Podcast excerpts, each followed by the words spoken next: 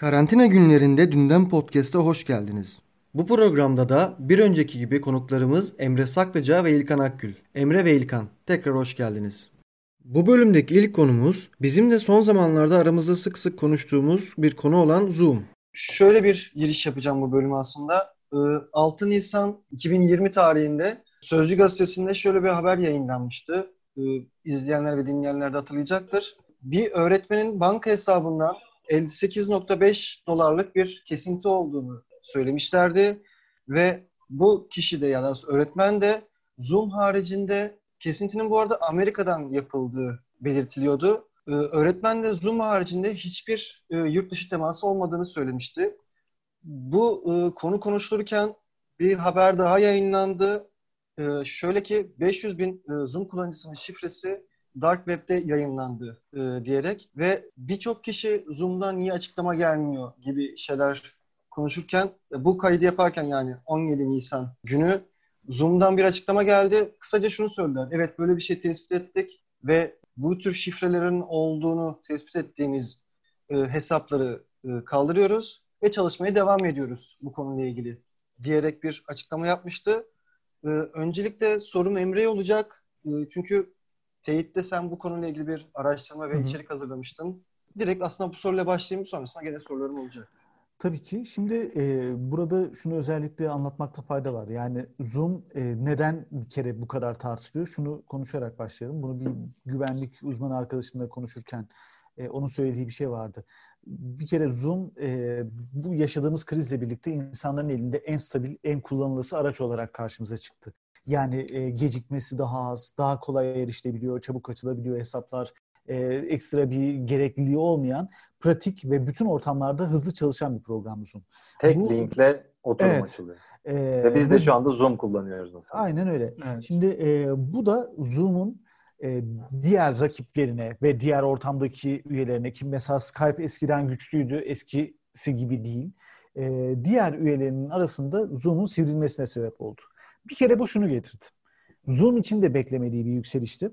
Çünkü Zoom daha çok beyaz yakalıların toplantıları ve benzeri ortamlar için planlanmışken birden okullarda, orada burada her yerde kullanılmaya başlandı. İnsanlar konserler vermeye başladı falan. Şimdi bu hem hackerlar için hem güvenlik uzmanları için çok ciddi bir challenge getirdi. Herkes Zoom'un açıklarını aramaya başladı. Çünkü bu kadar hedefte olan ve bu kadar konuşulan bir program daha çok saldırıya uğrayacaktı. Nitekim öyle oldu. Yani Zoom da aynı hızla bunları toparlamaya çalışıyor. Zoom güvenilir mi? Ee, yani bütün programlar kadar güvenilir, bütün programlar kadar güvenilmez vaziyette.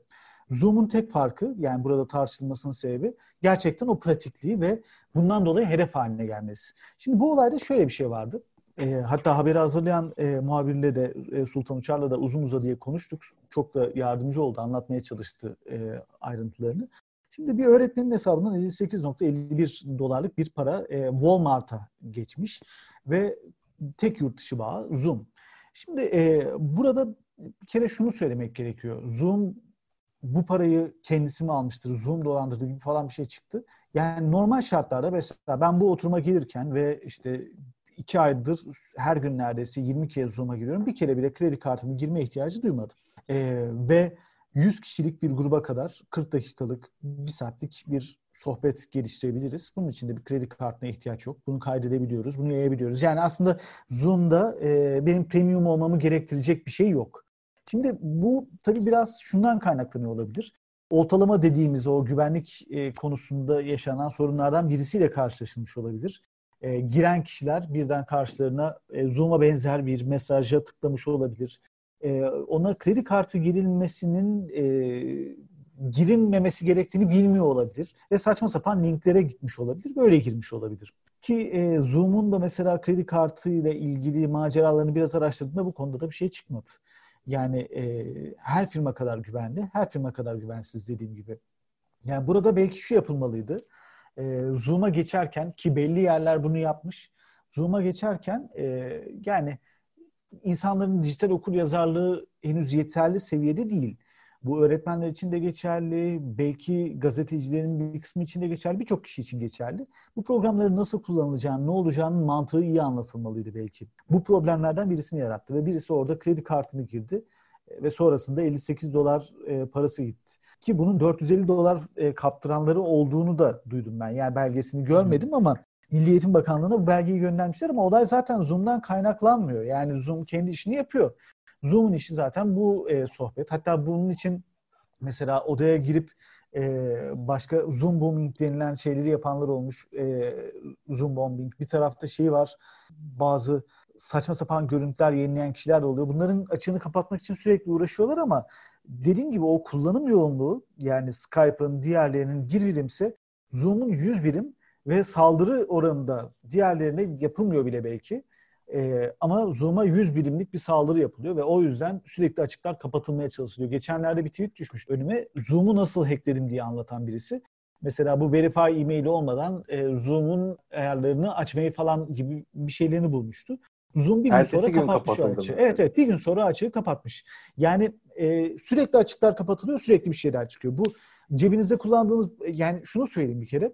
Zoom'daki riskiniz cebinizde kullandığınız cep telefonunda da herhangi bir uygulamasında veya telefonun kendisinde hiçbir uygulama yüklemeseniz bile işte gerek Apple telefonunuz olsun gerek Android telefonunuz olsun aynı sıkıntılar var. Yani kredi kartına anlamsız bir yere girersen o para gidebilir e, yani nereye girdiğini, burada o güvenlik şeylerini çok iyi bilmek gerekiyor. Ve bunun için de ayrı bir e, eğitim de gerekiyor bir tarafta.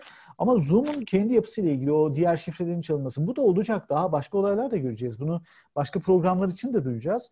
Bu e, bence çok sık karşılaştığımız bir program. E, yani Zoom'da açıkları kapatmak zorunda. Yani bu işler gerçekten zıvanadan çıkarsa alternatiflere gider insanlar. Açık kaynak e, ürünlere gider. Alternatifi de çok. Ama Zoom'u tercih ediyor herkes. Yani bakanlıklar e, mesela İngiltere hükümeti de bunu tercih ediyor. E bugün mesela ben şeye bakıyordum. Bilim kurulunun toplantısı vardı. Canlı yayında orada ajanslar görüntü geçmiş. O görüntülerde. Zoom kullanılıyor. E, yani her yerde Zoom kullanılıyor artık. Yani bunun için mesela şey de yaptılar. Odaya girerken işte bekleme odası yapıldı. Hı. İsteyeni alıyorsun falan gibi birçok şey getirildi. Ama buna rağmen yine olacak. Yani yarın daha farklısını da duyacağız emin olun. Orada ben biraz doluyum şey yapacağım. Evet seni biliyorum yani çok dolusun. ya doluyum şu yüzden doluyum çünkü birkaç mail geldi. Şimdi Oğuz da onu hatırlattı sağ olsun. Ee, şimdi eğitimler veriyoruz malum online. Birkaç kişi hani şey diye mail attı. İşte e, Zoom'un güvenlik açıkları olduğu biliniyor. Bundan en çok da işte gazetecilerin haberdar olması gerekir. Sizin işte bundan haberdar olmamanız beni rahatsız etti falan. Ya kusura bakmazsanız o kadar cahil değiliz herhalde haberimiz var da. Şöyle bir mesele var yani neyi kullanayım? Ben çok sordum. İnsanlar hemen Jitsi diyor. Bir de böyle hiç bilmiyormuşum gibi Jitsi'nin ne olduğunu anlatıyorlar. Affedersiniz ama ben yani zaten kullanıyorum Jitsi'yi de Jitsi bu kadar hani 100 kişilik eğitim veriyoruz. 100 kişi almıyor Jitsi. E, zaten geliştiricisi söylemiş yani 35 kişiden sonra verim düşer diye. Skype desen kur, indir, bindir falan kolay değil. E, işte Microsoft Teams olabilir, e, Adobe Connect olabilir ama onlar bir tık daha pahalı, biraz daha karışık. İşte Facebook'un BlueJean'i var. E, Facebook yani süper güvenilir sanki de hani daha olabilir ama o kadar stabil değil. Var. Alternatifleri gene de var. Ama şu anda en yaygın ve kolayı bu. Birincisi bu. Hani gerizekalı olduğumuz için değil. İkincisi bizde güvenlik denince ne anlaşılıyor ben onu tam kavrayamadım yıllardır. Ben güvenlik yazısı okuyacağım zannettim. Buna benzer birkaç haber okudum ki saygın mecralarda çok saygın gazeteciler Giriyorum işte güvenlik deyince ben işte Zoom bombing yani işte siz kapalı bir grupla e, görüşme yaptığınızı zannediyorsunuz. Dışarıdan akın akın böyle insan geliyor. Kim bunlar belli değil. Veyahut da işte e, ahlaka mugayir görüntü yayınlıyorlar falan. Yani en çok konuşulan mesela Singapur'da mı, Endonezya'da mı, nerede ilkokulda mı, ortaokulda mı ders yapılıyormuş. Ee, çocuklardan bir tanesi Zoom oturum linkini e, Pornhub'da paylaşınca akın akın işte iti kopuğu gelmiş porno yayınlamışlar sınıfta falan. Büyük skandal bilmem falan dedi. Yani kötü bir durum da hani ya çocuklara tecavüz edilen bir ülkede yaşıyoruz. Kalkıp da bana bu dünyanın en kötü şeymiş gibi de gösterme yani talihsiz bir vaka olmuş ama dünyanın en kötü şey de değil açıkçası. E, güvenlik konuşacaksak başka şeyler konuşmamız lazım. Neyse bu haberlerde bir baktım ki ne konuşuldu. Adam 50 bilmem kaç doları gitmiş. Parayı çeken kim? Bunda Emre'nin işte araştırması da öğreniyoruz. Walmart. Abi sen nereye girdin o kredi kartına acaba? Yani böyle Böyle bir şey olabilir mi ya? Bu arada ben ee... e, Orhan bir araya gireyim mi? E, o Walmart şeyi aslında direkt Sözcü'deki haberden aldım ben. Yani e, orada Sultan Uçar aslında direkt onu çıkartmış, araştırmış ama gerçekten o e, bağlamı... Ekran görüntüsü var. Evet, aynen öyle. Yani aynen senin dediğin gibi. Ben şöyle bir şey tahmin ediyorum. Muhtemelen işte Eğitim Bakanlığı zaten bunun altyapısını falan kurduğu bir şeyler yapıyorlar ama muhtemelen belki bir özel okuldu. Belki işte özel değildi ama okulun müdürü, veli, mütevelli eğitim birileri hocam Zoom varmış Zoom'dan da ek ders yapalım dedi herhalde. Ya hoca da bir şekilde iyi niyetiyle bunu kurmaya çalıştı. Belki çok İngilizcesi yoktu. Dijital okur yazarlığı zayıf. Önünde başka bir ekran çıktı. Senin bir şeyler oldu. Bir yere bir kredi kartı girdi panikleyip. Sonra da gitti. Yani Allah korumuş da daha fazla gitmemiş. Evet. Bunun Zoom'la ne alakası var abi? Sen bir yerlere kredi kartını girmişsin gitmiş. Yani şöyle şu şeyi anlayamıyorum ben. İşte online korkmuyor musun kredi kartı? Korkmuyorum abi. Bu şirketler o kadar büyük o kadar büyük paralar kazanıyorlar ki işleri bu zaten. Yani Apple, Google, Facebook, Zoom bilmem ne bunlar benim paramı çalmaz. O şekilde bir korkum yok. Sıkıntı nedir? Güvenliğe yeterli e, kaynağı harcamamışlardır ama o da senin dediğin sebepten 10 katı artmış kullanıcısı ya. 10 katı ne demek? Kafe işletiyorsun 10 kişilik bir anda 100 kişi geliyor. O kafe herhalde ilk iki hafta bir sıkıntı çeker değil mi? Sonra da e, becerebiliyorsan düzeltirsin. E Zoom da açıklama yaptı zaten. 60 gün boyunca tek bir yeni özellik geliştirmeyeceğiz. Sadece güvenlik açığı kapatacağız diye. E o günden bu yana da bayağı bir şey değişti. O Tabii. sebepten bence o işlere çok takılmasın insanlar. Onun yerine şurada pratik bazı tavsiyeler verelim. Mutlu Hoca'nın paylaştığı bir tweetten gördüm bunu. Ee, Jenny Gebhardt'ın herhalde bir makalesini e, Hasan Kayış Ankara Üniversitesi'nden çevirmiş. Ee, bizim de zaten uyguladığımız bazı basit pratikler. Onları bir söyleyeyim ben. Birincisi, en önemlisi Zoom linkinizi Twitter'dan bilmem nereden paylaşmayın. Yani oturum Hı. linki budur demeyin. Önceden kayıt alın, insanlara maille bir şeyle atın. İnsanlar çünkü Zoom linkinin belli böyle kategorik yapısı var. Search'te bulunabiliyor. Zoom bombing yapmak isteyenler de bu linklerin peşine düşüyor. Instagram'da falan biraz önce şeyde baktım. New York Times'da herhalde yazmışlar. Instagram'da, TikTok'ta falan böyle Zoom bombing, Zoom raid grupları kurmuşlar. Paylaşıp duruyorlar. Rastgele birisine giriyorlar, oraya basıyorlar. İşte komiklik oluyor. Çoğu da ergen zaten. Hani paylaşmazsan zaten işin çoğu bitiyor. Bu bir. İkincisi zaten waiting room, bekleme odası özelliği artık default geldi. İnsan o lap diye içeri girmiyor, bekliyor. Admin bunları host kabul edebiliyor. Bu zaten işin çoğunu çözer. E onun dışında nedir? İşte e, ekran paylaşımını kilitleyebilirsiniz. Sadece host paylaşabilir diyebilirsin. İnsanlar evet. girdiklerinde videoları ve sesleri kapalı olması mesela iyi bir özellik olur. E bir de katılması gereken herkes katılınca odayı kilitlersin.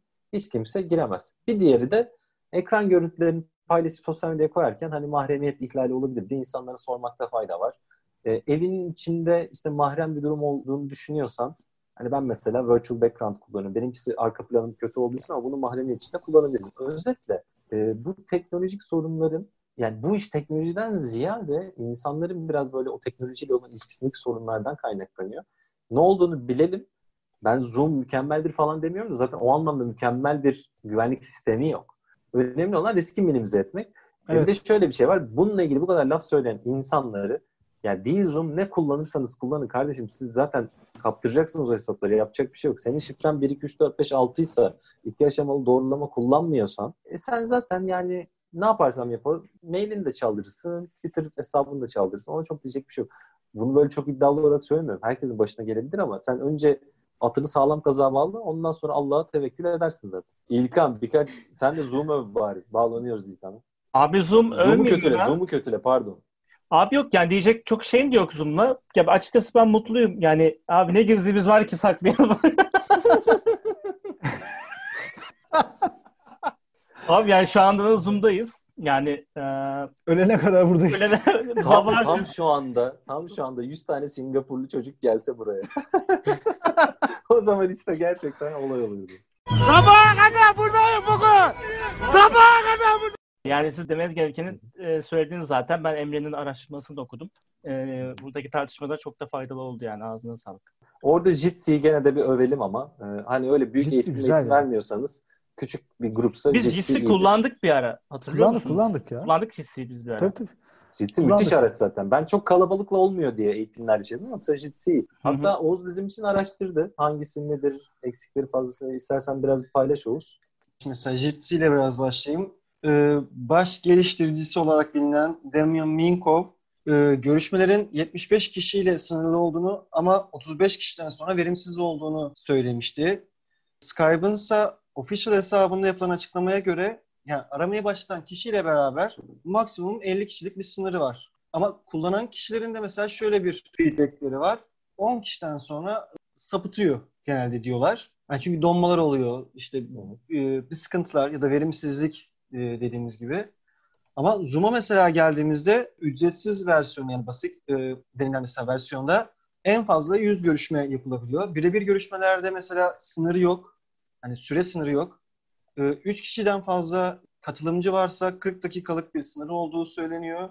Mesela Pro e, kullanımı var. Bunda gene hani 100 kişi var ama ek paket isteği varsa mesela sayı artırılabiliyor.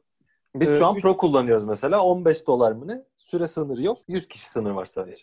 Yani evet 3 kişiden fazla katılımcının e, 24 saat kesintisiz konuşulabiliyor. E, Ha 24 saat gibi gibi. o? Bak bilmiyordum. 24 saat kesintisiz yayın yapılabiliyor. Yani 24 görüşme saat ne yapılabiliyor. konuşacaksın abi? Yani o da kişiye göre değişir tabii de. Değişir. Ee, mesela- Business bölümü var. Bunda mesela 300 kişilik görüşmeler yapılabiliyor. Ve gene bir, e, 24 saat kesintisiz yayın yapılabiliyor bunda da. Bir de Enterprise diye bir e, bölüm var. Kuruluşlar için yani daha büyük kuruluşlar için kullanılan bir şey bu. Bunda da 500 kişilik e, yapılabiliyor ve yine 24 saat kesintisiz bir şekilde kullanabiliyorsunuz. Tüm Zoom'un kategorilerinin ortak noktası da hepsinde kayıt alabiliyorsunuz. Ve gene dediğim gibi işte kişiye göre ise süre sınırında yapabiliyorsunuz. Birebirse 24 saat, diğerlerinde de zaten 24 saat yapılabiliyor. Ee, IBAN veriyorum Zoom'un e, sevgili CEO'su. e, TR. Abi bu kadar övdük. Mutlaka bu sponsorluğu almamız lazım. Mutlaka. Abi TikTok bize sponsor olmadıysa Belki Zoom oldu ben sana söylemedim. Oğuz nereden biliyorsun? Son zamanlarda banka hesabımda şişmeler var. O gerginlik yaşanıyor. İlkan. bunu yayından sonra bir konuşalım. Delirtelim. Grup gergin. Ee, Oğuz geçtiğimiz hafta söylediğimiz bazı şeylerle ilgili küçük bazı güncellemeler vardı. Onlardan bahsetmek ister misin? Çünkü orada Emre'nin de birkaç yorumunu merak ediyorum. Şöyle bir şey söylemiştik. Podcast yapmak için aslında güzel bir yöntem. Hatta bunu sen söylemiştin. Ve webin ilk yıllarında olduğu gibi hani geliş güzel yapabilirsiniz. Deneme yanılma tamamen. Kimse de bir şey demeyecekti zaten. En fazla dinlemezler o podcast programlarını ya da YouTube yayını neyse artık yapacağınız şey. Mesela podcast'la ilgili şöyle birkaç gelişme oldu. Ee, Metin Hara, Metin Hara ile Meditasyon diye bir podcast programına başladı. Ee, İlkan çok Pukka severim adıyla Metin Hara'yı. bilinen Metin Ara dedik o zaman şöyle bir şey yapalım mı? Zıplayalım mı? Şu an podcast dinleyenler için ellerimi, ellerimizi kaldırdık. Ve zıplamaya Ben başladık. bilmiyorum o hareketi ama evet. Pukka adıyla bilinen Pınar Işık da Wake Up Beach isminde bir podcast programına başladı. Hatta da sosyal medya hesabında biraz serzenişte bulunuyor. Çünkü şikayetler olduğunu söylüyor ve podcast programlarının yayından kaldırdığını söylüyor. Onun haricinde bir de Serdar Kuzuloğlu ki Serdar Kuzuloğlu'nun şöyle bir e, burada handikapı var. Türkiye'de ilk podcast programını yapan bir gazeteci kendisi. Kuzuloğlu'nun şöyle bir e, farklılığı var. Videolarını YouTube'a önce yap- yayınlıyor. Sonrasında sesleri podcast olarak yayınlıyor. Bunun haricinde ve Türkiye'de ilk kez hatta büyük ihtimalle Orhan'ın sevinebileceği bir şeydir bu. Türkiye'de ilk kez serial e, bir podcast programı olan Karanlık Bölge başladı. Önce mesela bu konuyla ilgili iki sorum olacak. Birincisi hatta gene hani çokça hem Orhan hem İlkan mesela bu çok arasında tartışılan bir mevzu bu. Kuzuloğlu'nun videolarını e, sese yapıp podcast olarak yayınlaması sizce biraz teknik açıdan yani uygun mudur? İkincisi serial bölümüyle devam edeceğiz. İlk soruyla başlayalım aslında biraz. Yani İlkan siz geçen buyur. hafta sanırım Ya şey ya aslında biz bu orandan ziyade Medyascope'la biz tartışıyoruz bu konuyu. Ee, yani Medyascope'dan Burak Tatı ile tartışıyoruz. Yani burada olmayınca bile ismi geçiyor Burak'ın.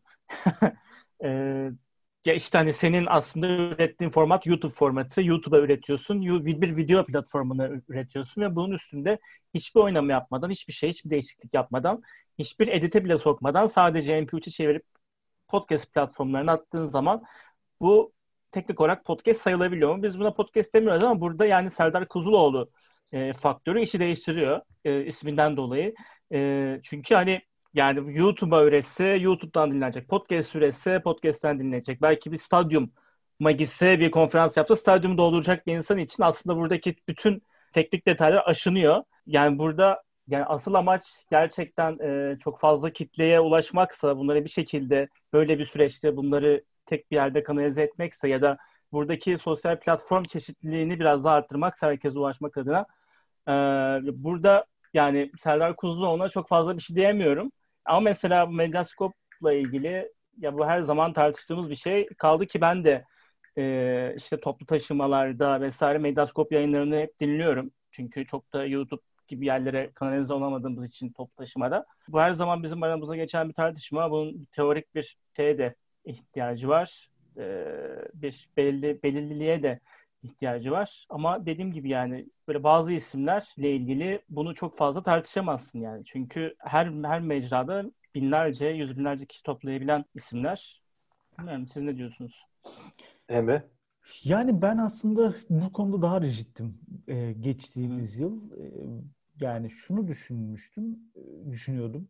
Öyle her şey podcast olmamalı görüşündeydim ama artık bu konuda biraz daha esnekleştim. Siz Yani- Twitch'te yapıyorsunuz mesela. Mesela evet biz mesela bu Twitch'te podcast yapıyoruz. de YouTube'da yayınlanacak. Bu da Hı hı. ilk Medyapod'da. Evet, tarihi sinemayı mesela Twitch'te Hı hı. yapıyoruz. An- Ondan sonra sesini alıyoruz, jingle'ını koyuyoruz. Ardından da Medyapod'da yayınlıyoruz. Şimdi e, dinleyen açısından bu bir fırsat sunuyor. Amaç şu mu? Evet, kusursuz ve mükemmel, her şey mükemmel olduğu bir yayın en idealidir. Ama bunu bu kadar kalıplara sıkıştırmak çok anlamlı mı? Değil. E, mesela orada e, Uraz'ın kulağını çınlatayım. Teknik açıdan altyapıda mesela çok iyi işlerin üzerinde duruyor her zaman ve onların geliştirilmesi üzerine e, çalışıp çabalıyor ve iyi bir dinleme zevki sunuyor bu.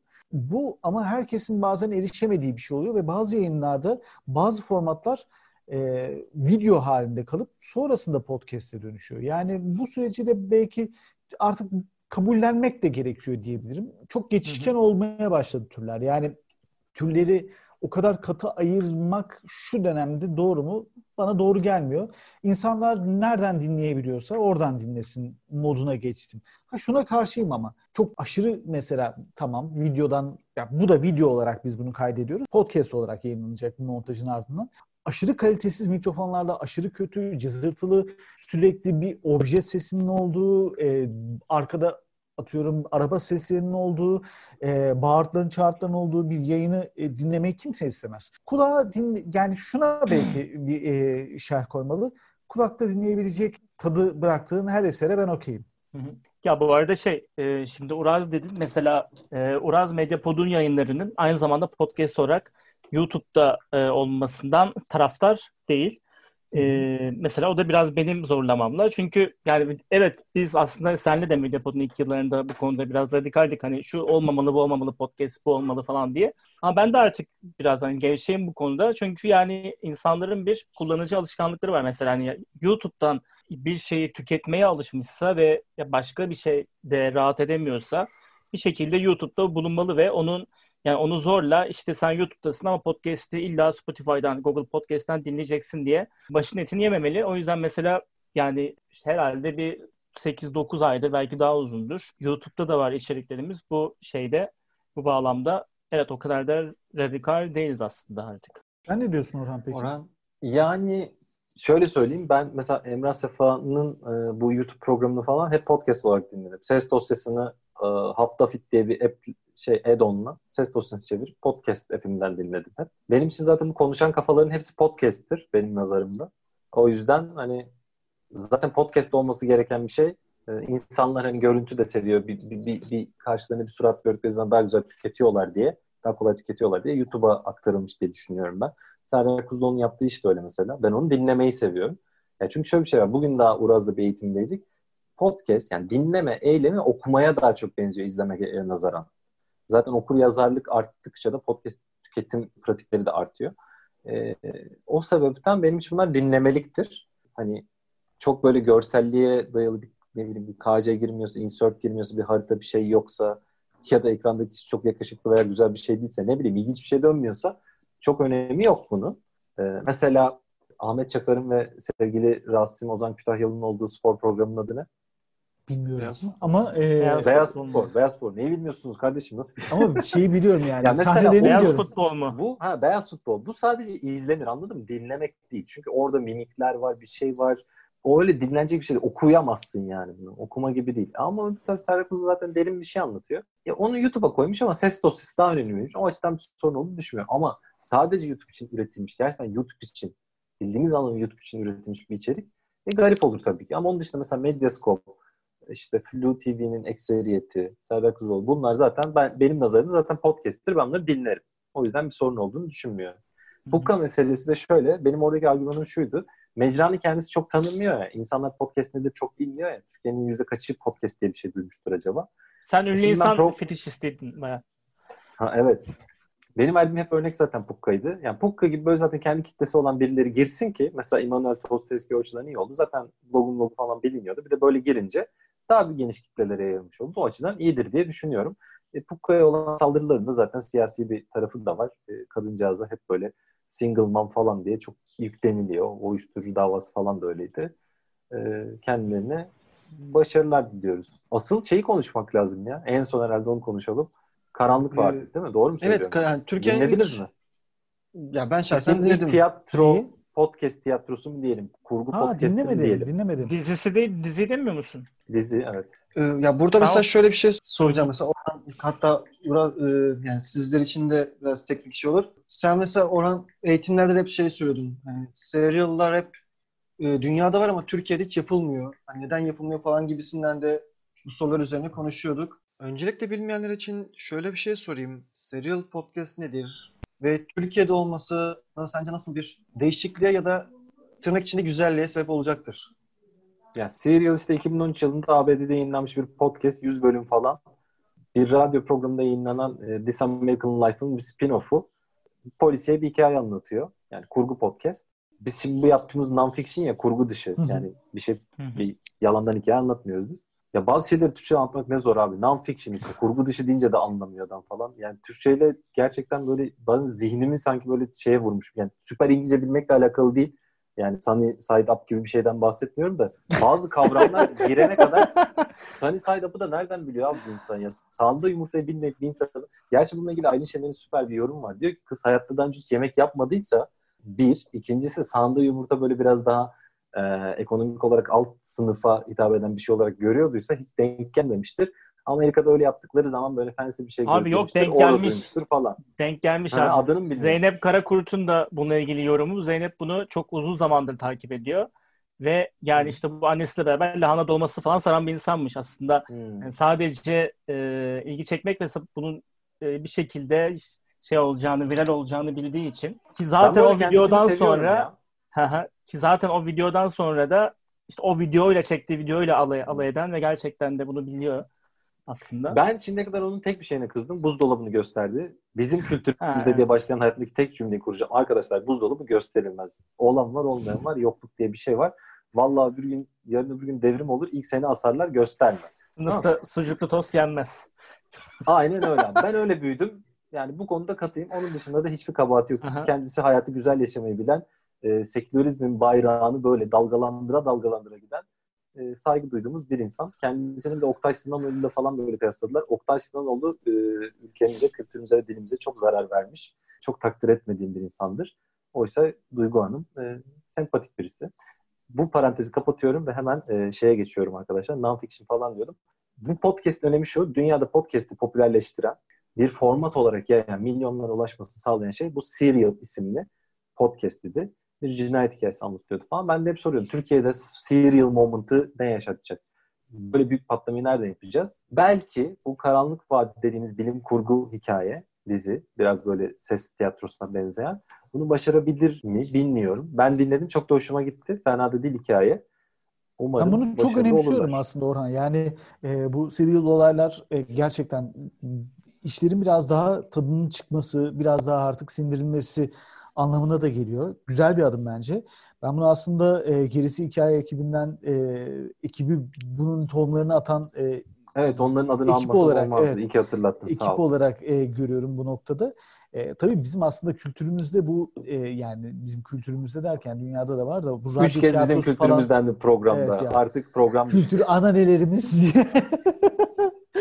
radyo tiyatroları vardı belki hatırlarsınız. O radyo Tabii. tiyatroları kavramı e, biraz onların da beslenen bir şey. Ben hep radyo ile podcast'i belli yerlerde birbiriyle ilintili görmeye bayı, e, keyif alıyorum. Buna eleştirel bulanlar da var. Yani hoş bulmayanlar da var ama buna aşinayız ve bu yüzden yaygınlığı güzel olursa iyi şey çıkar diye düşünüyorum. Yani ben önemli bir adım olarak görüyorum. Bizim podcastlerde Türkiye'de bir adım daha ileriye taşıyan bir hamledir. E, bunu söyleyeyim. Ya işte biz sürekli podcast eğitimlerimizin sonunda işte Orhan hazırladığı bir Feyzal bölümü var.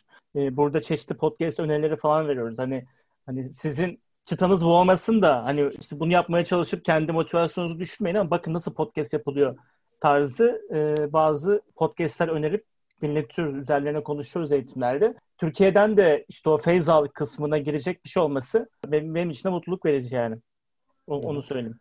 Son olarak herkesten öneri alalım mı? Oğuz'dan başlayarak. Aslında bir kitap önermek istiyorum. Ya belki okuyanlar vardır, belki okumayanlar vardır. Murat Menteş'in Derde Deva Randevu isminde iki ciltlik bir kitabı yayınlanmıştı. Bu kitabın özelliği şu, ıı, yazarlar, işte şairler ya da tanınmış kişilerin kitabından sözler alıyor ve Murat Menteş sanki onlarla konuşuyormuş, sohbet ediyormuş havasında bir kitap ve Hakan Karataş çizerek anlatmışlar. Ee, ya benim önerim dediğim gibi Murat Menteş'in Derde Deva Randevu e, kitabı olacaktır. Direkt sizlere bırakayım. Emre herhalde Tamam. Recep İvedik 6'yı önerir. Onu ben önerecektim abi ya. Onu ben önereceğim. Buyur ya Emre. Emre bu arada o nasıl oldu ya? ya, bu aslında şey çok e, hepinize gelebilir bu tip şeyler ya.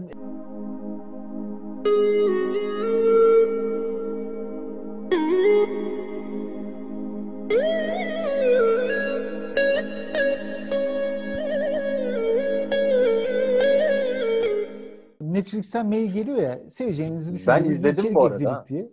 İzledin mi? E, Netflix Önüme algoritmasını ben. İzledim abi, algoritma izlemedim? önermiyor bu arada ya. Onu şey olarak gönderiyor. Böyle büyük prodüksiyonları geldiğinde maille gönderiyorlar ya seveceğinizi düşündük bir içerik ekledik.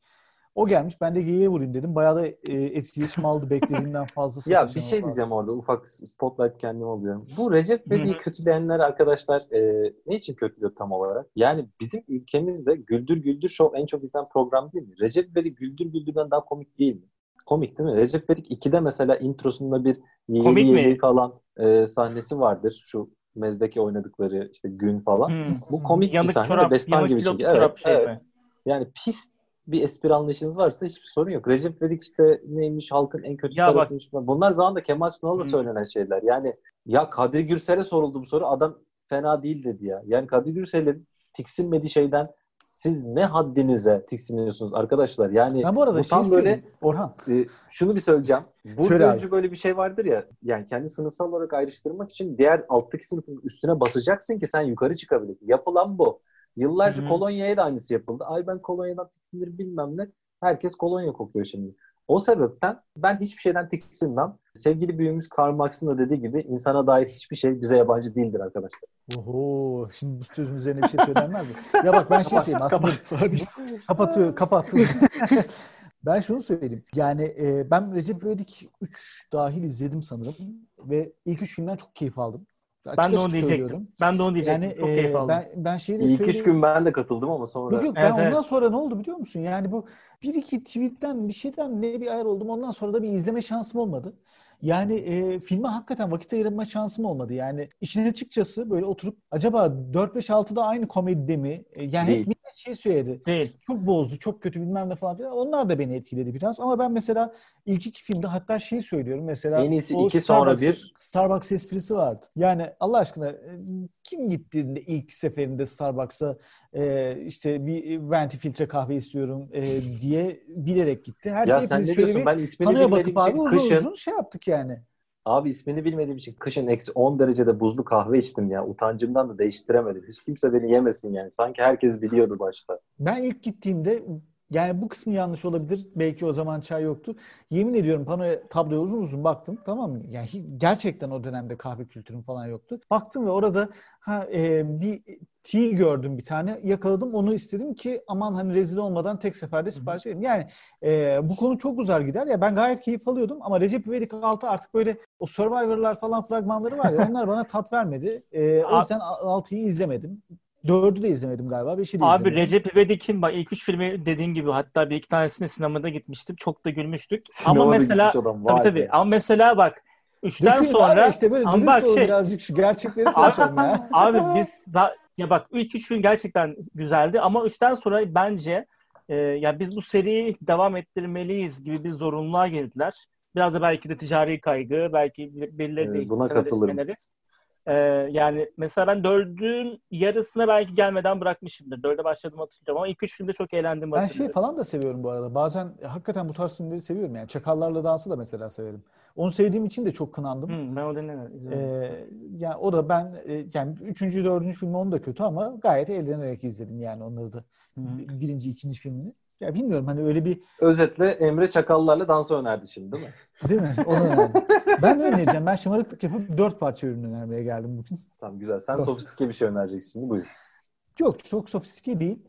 Bu ara izlediğim iki diziyi önereceğim. Ee, yakın zamanda bitirdiğim. Boys. Birisi Hunters. Çok güzel bir dizi. İzlemediyseniz mutlaka bakmanızı öneririm. Ee, Prime'da e, yayınlanıyor. Al Pacino başrolde. Ee, olay şu. İkinci Dünya Savaşı sonrası Nazilerin bir kısmı özellikle Amerika tarafından Amerika'ya alınmış. Ee, bu aklı çalışan, kafası çalışanlar. Onlar orada işte uzay projelerinde ve ülkenin gelişiminde istihdam edilmiş. Ve bunların gizliliği e, biraz esas tutulmuş. Kimlikleri değiştirilmiş falan filan. Ve bunlar sivil hayatta paralarını kazanan, bazı siyasete giren tipler haline almış. Bir grup Yahudi var ve bunlar da e, bu Nazileri avlama peşine düşüyor. E, ve onların başını çeken kişi de Al Pacino. E, filmde, dizide Josh Radnor da var. Acayip keyifli. Çok böyle ters köşe yapan yanları olan çok kaliteli bir dizi. Mutlaka öneririm. Bir diğeri The Boys. Bu da farklı bir dizi. Bu da Amazon'da. Bunun da özelliği şu. Bu Marvel evreninde falan böyle hani süper hero'lar falan çok havalı, süslü püslüdür falan ya. Bunlar e, gayet güzel. Böyle dünyada kötülükleri yenmiş, etmiş falan filan bu süper hero'lar. Ve sonrasında e, bu kişiler artık halk kahramanı olmuş. Televizyon dizileri, filmler, reklamlar birçok prodüksiyonun içinde yer almaya başlamışlar. Ve bu kişiler bu yer aldıkları prodüksiyonlarla deli gibi paralar kazanıyorlar. Bir kapital düzen kurmuşlar kendilerine ve sonrasında bunlar bir güç unsuru haline gelmişler. E, dünyada yaygınlıkları artırılsın diye mesela ülkelerin güvenliğini sağlamak için süper hero'lar pazarlanmaya başlamış bu şirket tarafından. Ve e, mesela bazı yerlerde işte tuhaf saldırılar yapılıp onları mesela bu süper hero'lar temizliyor falan filan ama aslında biz daha birinci bölümde şeyi öğreniyoruz. Bu süper hero'lar öyle masum ve dünyayı kurtaran tipler değil ki başrolündeki süper hero da Superman'le Kaptan Amerika'nın karması bir tip. Bunlar böyle aslında çok adi ve tamamen düzenden sömüren, insanları sömüren, e, kötülük dolu ve daha da dünyada üste çıkmaya çalışan, o dünyayı yöneten 7 kişilik aileymiş aslında. Öyle bir havaları var. E, çok güzel bir dizi. Yani mutlaka öneririm bunu Birinci da. sezonun bitti. Birinci sezonu bitti. Kaç sezon Çok olacak? güzel. E, ikinci sezonu yani yapılıyor ama tabii bu Covid'den falan filan biraz uzayacaktır. Fragmanı Ay, vardı bence- ikinci sezonda. Ben Var çizgi mı? romanını okumuştum bunun. Yani ne kadar benziyor bilmiyorum anlattığı Hı. kadarıyla benziyor. Muazzam yani. Homelander Hayatta falan okuduğum- var. Evet hayatta okuduğum en iyi çizgi roman. Çok yani, iyi ya. Hayatta okuduğum en iyi 5 çizgi romandan biridir. Yani şey Ama çok çok sert. iyi. Yani evet çok sert. da Dizi de öyle. o kadar gore ki yani. Acayip karnevan gidiyor. yani. Hı hı. Tabii tabii karnevan gidiyor yani. Acayip sert.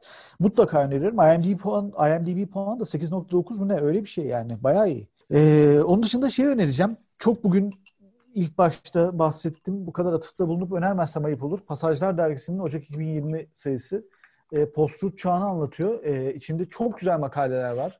Özellikle bu e, post-truth dönemini 3, 6, 10 makale, 11 makale var içerisinde. E, bu süreçte birçok yaşadığımız şeyi de anlamak adına çok iyi bir e, derleme olduğunu düşünüyorum. Farklı kafalar, farklı düşünce tarzları var. E, bunları özellikle okumanızı tavsiye ederim. Hazır bunu da yapmışken bir de şeyini de yapayım. Biz mesela TCT'nin Teyit'te podcast'te pasajların iki makalesini konuştuk. Ara sıra konuşmaya devam edeceğiz gündeme göre. TCT'nin de önerim bari gelmişken onu da söylemezsem ayıp olur. Benim önerilerim bu kadar. T cetvelini Teyit'in öneriyoruz. podcast'i. En baştaki ufak bir ses sorunu vardı. Onu da çözmüşsünüz. Çok güzel olmuş. Elinize sağlık. Sağ olasın. İlkan. Ya bir şeyi birazcık bir geçmişe dönüp Dark'ın 3. sezonu e, bundan işte bir buçuk ay sonra gelecek. İlk iki sezonu izlemeyen mutlaka izlesin. İşte evdeyiz kafamız müthiş, müthiş karışık değil. Ki e, Dark böyle biraz sakin kafayla izlenecek bir dizi. İşte işten eve geldik Dark'a bakamam durumu yok. Mutlaka ilk iki sezon bitirilsin. Üçe hazırlansın bir buçuk ay sonra. Ozark'ın son sezonu geldi. O güzel gidiyor. E, Ozark müthiş dizi. Evet, izlemeyin diye Open House diye geçen bir film izleme gafletine düştüm Netflix'ten. Çünkü orada Bodrum'da kapakta adam varmış. güzel duruyor kapağı falan. Hiç girmeyin. Ne başı ne sonu belli değil. Kitap olarak ben hala şey okuyorum. Bu Snowden'ın sistem hatasını bitirmeye çalışıyorum. Yine içinde bulunduğumuz çağ sebebiyle. Bu arada bugün bir yazı işte okudum Medium'da. Şey diyor. Yani işte bu virüs Amerika'da artık herhangi bir teröristten e, çok daha tehlikeli insan öldürme potansiyeli var. Bu yüzden 11 Eylül çağı kapandı Amerika'da ki 11 Eylül çağında insan haklarının nedenli aşınabildiğini gördük. Bu krizde de yani 11 Eylül'de e, bütün dünyayı izleyen bu krizden sonra kimleri nasıl izler diye e, Snowden'ın sistem hatasını mutlaka okumaya çalışalım. Birazcık mainstream bir öneri olacak ama. E, Mainstream benim öyle der- değildi bu ya bence. Bilmem ba- bayağı kişi konuşuyor bu, Ne bu ara. da şey yapma yani. E, muamelesi mainstream mi yani. dedi? Ha. Abi Yok, güldür şey, güldür şu an mainstream. Bildiğin Hayır, South hayır, Park şu- oldu böyle. Snowden'a mainstream dedi. Hayır hayır şöyle ya. Benim timeline'da şey böyle birçok işte pasajlardan alıntı vesaire gibi çok Senin bayağı Ama senin timeline'ın timeline'ın falan da- gibi. Senin timeline'ın Ee, iyidir yani. Tutup e, en çok top seller'larda bilmiyorum bir şey değil yani. FGP değil yani. Yani Tamam, FGP onu- bile e, Türkiye ortalamasının çok üstünde kitaplar. Şimdi kadını ben de çok az etmiyorum da yani diliyle anlattığı şeyler de ülkemizin okur yazarlık seviyesi e, altı buçuk O sebepten çok şey yapmayalım. O zaman bana geldi sıra valla The Boys'u e, ben önereyim falan diyecektim ama dizisini de izlemedim. Çizgi roman olarak önerecektim. Söylediğin iyi oldu. Ben abi Dark dedin ikinci sezona başlayamadım çünkü biri unutmuştum. Çok oluyor bu Netflix'te. Şimdi onu topluca izleyeceğim. Asıl neye başladım? Yıllardır yapamadığım yaptım ve The Wire. Aa, Ha, Gelmiş kral en iyi dizi diye söylenen değil mi? Sopranos'dan bile iyi denen falan. Ben kaç kez başladım, sıkıldım bilmem Ben ne. de de ben de onu Sevgili- yaşadım biliyor musun? Evet. E, o oluyor ama hep denen şey. Ama ilk sen sezonu duvarı bana çok önermişsin Emre. Tabii ben çok önerdim de bak ben de Orhan gibi ben Mad Men'de de aynısını yaşıyorum biliyor musun? Başladım 10 kez Mad Men'e daha birinci sezonunu yeni bitirdim. Ee, The Wire'da 4-5 kez başlayıp böyle ortasında bırakıp tekrar başladım. Öyle ilerledim onda. Hı hı. Yani The Wire'ı sevgili Emre Kızılkaya tekrardan önerince artık oturdum başladım ve izleyeceğim ki her sezonda ayrı bir yapı. Birinde işte Evet. FBI, öbüründe çeteler, öbüründe medya falan anlatıyor şu bu. Karışık olay örgüleri. e, zor dizi. E, tam bir HBO dizisi zaten. Evet. Ama izleyeceğim. Kitap olarak da e, ben tam bir hayranı olarak Anthony Bourdain'in Kitchen Confidential'ı işte mutfak sırlarını düzgünce baştan sona bir okuyayım dedim. Şimdi yarısındayım falan. Yani iş ahlakına dair ve ahlaksızlığına dair yazılmış bir epik destan gibi gerçekten. Ne meslekle uğraşıyor olursanız olun öğrenecek çok şey var. Hatta şununla da bitireyim işi böyle gazeteciliğe bağlayalım. Söylediği bir şey var. Aşçılık sanat falan değildir. Ne zaman aşçılıktan sanat diye bahseden birisi varsa e, eğer hani işe alacaksam almam, birlikte çalışıyorsam kovarım. Çünkü bu bir zanaattır.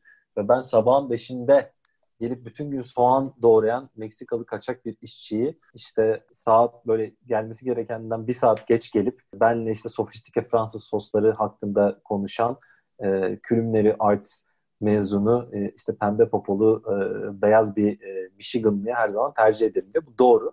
Aynısı birçok meslekte akademisyenlik olsun, gazetecilik olsun görüyoruz. Yaptığı işin çok sofistike, sanatsal bir şey olduğunu zannediyor insanlar. Arkadaşlar önce e, ameliyesini yapın, zanaat kısmını yapın, sanatına manatına sonra geliriz deyip isterseniz burada bitirelim. E, çok teşekkür ediyoruz geldiğiniz için. Biz teşekkür ederiz bizi ağırladığınız için. Shortcast ekibi olarak. Ne zaman çağırırsanız biz geliriz ya. Ayarlarız. Shortcast'te e, bu Programın pazartesi artık bir şey yapalım bir değil mi? Eli- şeyimiz de olacak. Bizim de başlıyor. Yani YouTube o kadar rahat devam edecek. o kadar rahat zaman. olmayın burada artık yani. Programımızın sonuna geldik. Hem Emre'ye hem İlkan'a e, katıldığınız için tekrar ben de teşekkür ederim. Görüşmek üzere diyelim. Medyapod'un podcastlerine Spotify, Google Podcast, iTunes ve Spreaker üzerinden ulaşabilirsiniz. Medyapod'u desteklemek için patreon.com slash medyapod.